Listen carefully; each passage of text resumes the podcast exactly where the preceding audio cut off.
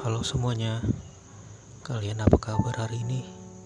Semoga apa pun yang teman-teman lagi rasain di hari ini, sedih ataupun senang, bahagia ataupun lagi sesak, semoga ke depannya baik-baik aja ya.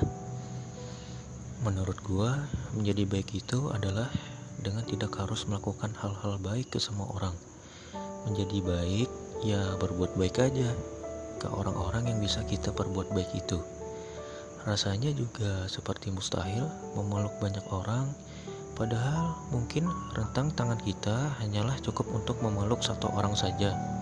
Dan juga aku percaya banget bahwa setiap orang punya kapabilitas berbeda-beda. Jadi gak mungkin aja untuk membahagiakan semua orang. Nantinya kamu bakalan capek, nanti kamu bakal mungkin kecewa. Jadi untuk teman-teman yang jadi orang baik. Hei, makasih ya. Itu mulia banget. Itu baik banget. Tapi, pernah gak sih kalian ngerasa kebaikan kalian itu disepelekan begitu saja? Kebaikan kalian itu justru dimanfaatkan oleh orang-orang yang justru tidak tahu berterima kasih dan tidak tahu diri. Oke, saya Rian ingin menemani kalian mengudara di senja sendu kali ini. Jadi orang yang gak enakan itu gak enak, benar banget. Apalagi kalau teman kita itu udah ngecap kita sebagai orang yang baik. Tapi selalu ingat, baik itu belum tentu benar dan hal benar dan hal yang benar sudah tentu pasti baik. Jadi ini ada beberapa tips judulnya adalah Hei, Kenapa masih gak enakan? Takut dia sakit hati? Takut dia tersinggung? Atau takut dia terluka? Lalu, apakah bersama diri sendiri? Pernah nanya gitu gak sih? Atau mungkin malah gak pernah sama sekali? Atau mungkin hatimu sudah terlalu lama untuk mendarah? Terus, mau sampai kapan? Buat gak enakan sama yang lain? Ingat, mengatakan tidak setiap keputusanmu enggan untuk mengerjakannya, enggan untuk menyetujuinya, enggan untuk melakukannya.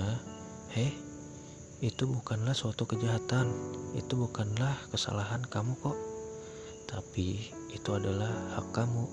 Bila tidak, sama saja memberikan dirimu apresiasi bahwa kamu berhak untuk ngikutin kata hatimu sendiri dan bilang tidak pada mereka akan lebih baik daripada kamu mengatakan iya. Tapi kamu justru bohong sama diri kamu sendiri.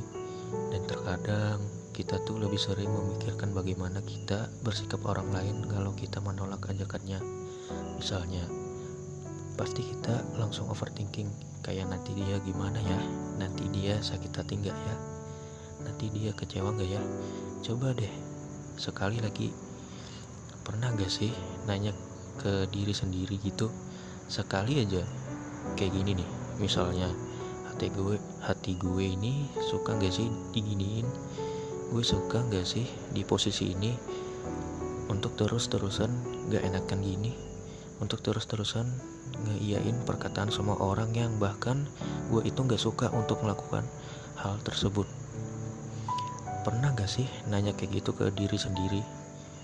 Dan terakhir kalau nggak enakan adalah cara halus untuk bunuh diri sendiri secara perlahan. Lalu, kenapa kenapa kamu masih hidup dengan perkataan mereka yang justru semakin hari semakin meredupkan di sinarmu itu?